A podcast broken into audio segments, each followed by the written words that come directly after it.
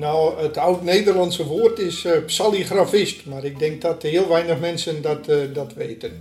Lijkt op calligrafie, maar uh, psalligrafist, dat is dus de, een beoefenaar van de papierknipkunst. Je luistert naar de podcast Jantje in Kwadraat. Deze podcast gaan Jacob Oeverbeek en ik, Bas Visser, op zoek naar de verhalen van Jan Visser van Urk en Jan Huiszoon uit Zeeland. Twee papierknippers die een eeuw of meer geleden leefden. En we spreken met hun hedendaagse navolgers, Henk Kapitein en Tony Dieleman. In deze eerste aflevering maken we kennis met Henk Kapitein. Henk raakt zelf geïnspireerd door het leven en het werk van Jan Visser en hij mag er graag over vertellen. We spreken met Henk in Galerie Plein 1890, een plaats waar werk van Urke kunstenaars wordt getoond en verkocht.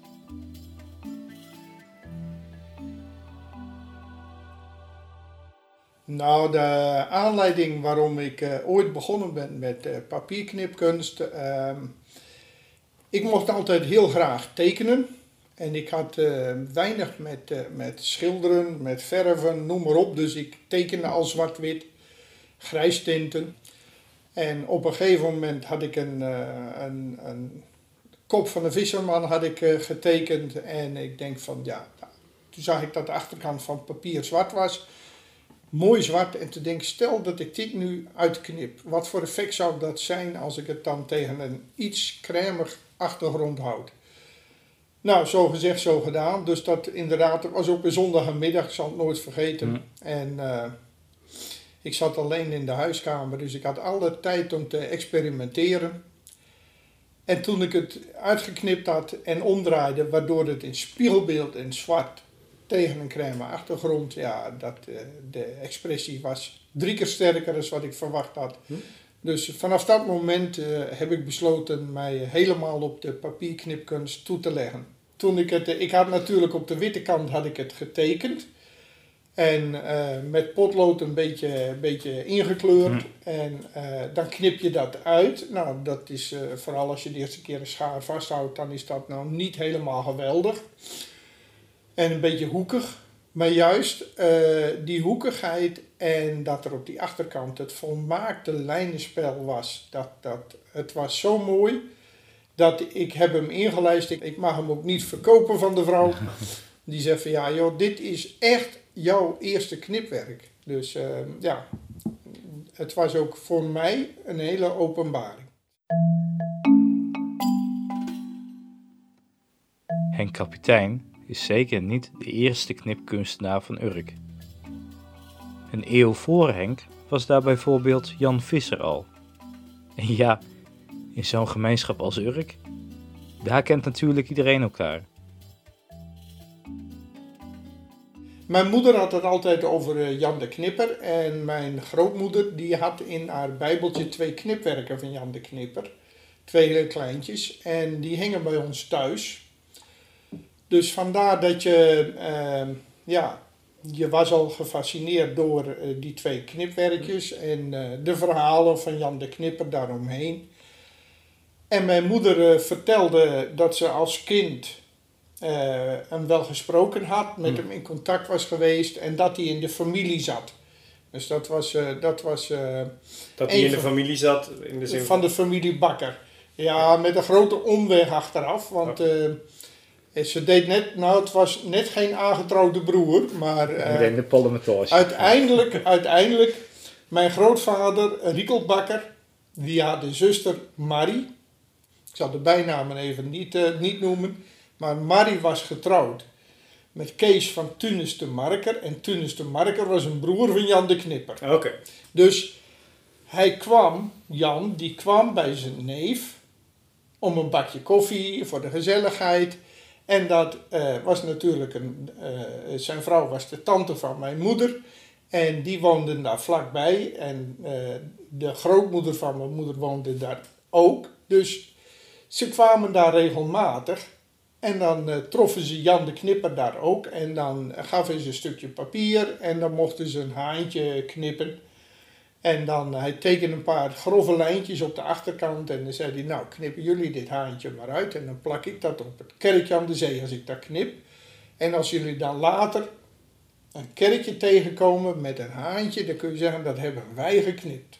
Dus nou, mijn moeder kon dat altijd met veel uh, smaak vertellen. En dat is me eigenlijk altijd bijgebleven.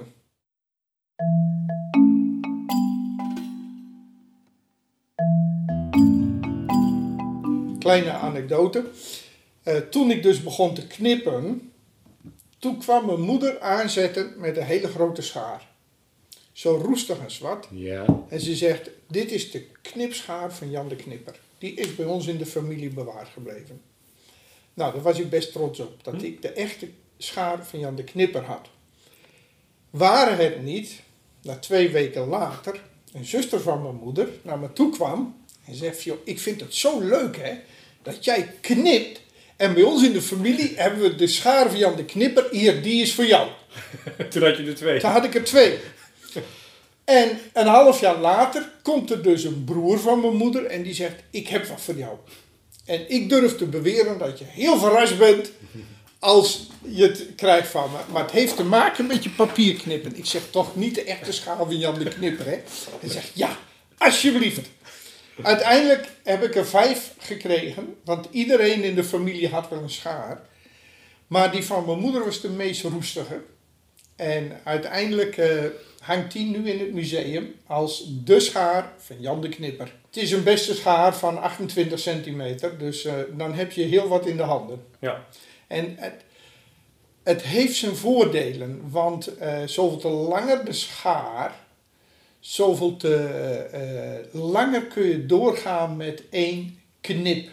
Want voordat hij aan het eind is, uh, want je moet dus de schaar weer open doen vlak voordat de punten elkaar raken. Mm -hmm. Want op het moment dat je dat niet doet en de schaar die raakt, de punten raken elkaar, verbreken ze contact met het papier en dan moet je weer opnieuw insteken. En dat blijf je altijd zien. Dus, en wil je vloeiende beweging, dan moet je eigenlijk zorgen dat je de schaar weer open doet, toeschuift, voordat dus uh, de punten elkaar raken. Ja. Hij moest het blad vouwen, wilde hij midden in het blad een knip starten. Terwijl tegenwoordig met die kleine schaartjes, ik prik er gewoon een gaatje in en uh, je gaat je knippen heen en verderop weer een gaatje, verderop een gaatje. Nou, Jan moest dus iedere keer vouwen om te zorgen dat dat gaatje tot stand kwam. Ja, na dit verhaal over technieken zijn we toch wel benieuwd wie Jan de Knipper was. Er is gelukkig een filmfragment uit 1926 bekend, die we delen in de show notes. Daar zien we Jan op latere leeftijd. Maar daarin praat Jan niet. Henk, wat kun je vertellen over het leven van Jan? Ja, nou Jan, als ik, als ik uh, praat over Jan de Knipper, dan is dat vrij lastig om, om, om een goed beeld te schetsen. Want ehm, hij is natuurlijk, men beweert dat hij op vijfjarige leeftijd het eerste knipsel gemaakt heeft. Dat vind ik heel vroeg, op vijfjarige leeftijd, want je moet wel een goede motoriekbeheersing hebben, oog-hand-coördinatie. maar goed, het zou kunnen. En men uh, beweert, wie, wie, wie, zijn, dat, zijn dat verhalen die je hoort? Dat zijn verhalen van vroeger die uh, mensen konden vertellen en die meegereisd zijn in de tijd. Hè? Mm. Dus van mond op mond. Anekdotisch. Ja, en het eerste knipsel zou een huwelijksknipsel geweest moeten zijn. En, maar het is niet bewaard gebleven. Alleen de overlevering vertelt dat het eerste knipsel zo'n knipsel was. Vijfjarige leeftijd, nou ja, dan... toen zat hij waarschijnlijk in de eerste klas van de lagere school. Hij heeft een aantal jaren in school gehad. Uh, meester Kofferman gaf les. Meester Kofferman, die knipte ook. Want we hebben een papierknipsel in het museum van meester Kofferman. Met een jaartal erbij en dat was voor 1850. En dat wil dus eigenlijk zeggen dat dat iemand was die de papierknipkunst beoefende voordat Jan de Knipper ooit maar ervan gedroomd had dat hij hetzelfde zou doen.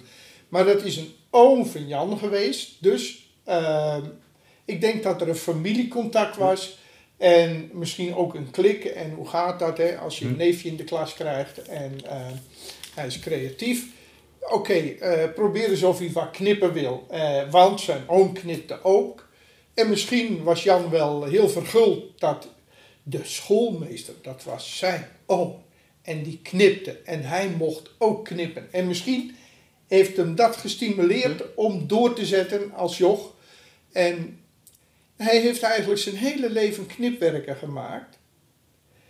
Ehm, daarnaast was hij gewoon visserman. Dus op momenten dat hij eh, thuis was eh, in de winter of dat, hij, eh, dat er te veel wi- wind was, dat ze niet konden varen. Of dat ze eh, met blak, eh, blak weer eh, op de zee stil lagen. Een schaatje en een papier en hij kon, hij kon van alles doen.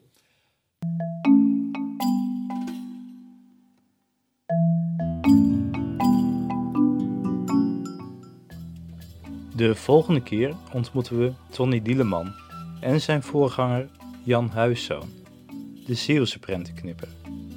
Ehm, ik bedoel, prentensnijder. Bij deze podcast hoort een tentoonstelling waarin werk van de vier papierknipkunstenaars is te zien op drie locaties. Museum het Oude Raadhuis, het Urker Gemeentehuis en Galerie Plein 1890. Meer informatie vind je op de website van SCAP. www.scapurk.nl slash Jantje in kwadraat. Het project Jantje in kwadraat is een initiatief van de Stichting Culturele Activiteiten Urk in samenwerking met Galerie Plein 1890 en Museum het Oude Raadhuis. Het project is mede mogelijk gemaakt door het Prins Bernhard Cultuurfonds en Stichting Zegen en Zorg. Vind je deze podcast leuk? Laat dan een recensie achter in je podcast-app. Zo bereiken we een zo groot mogelijk publiek.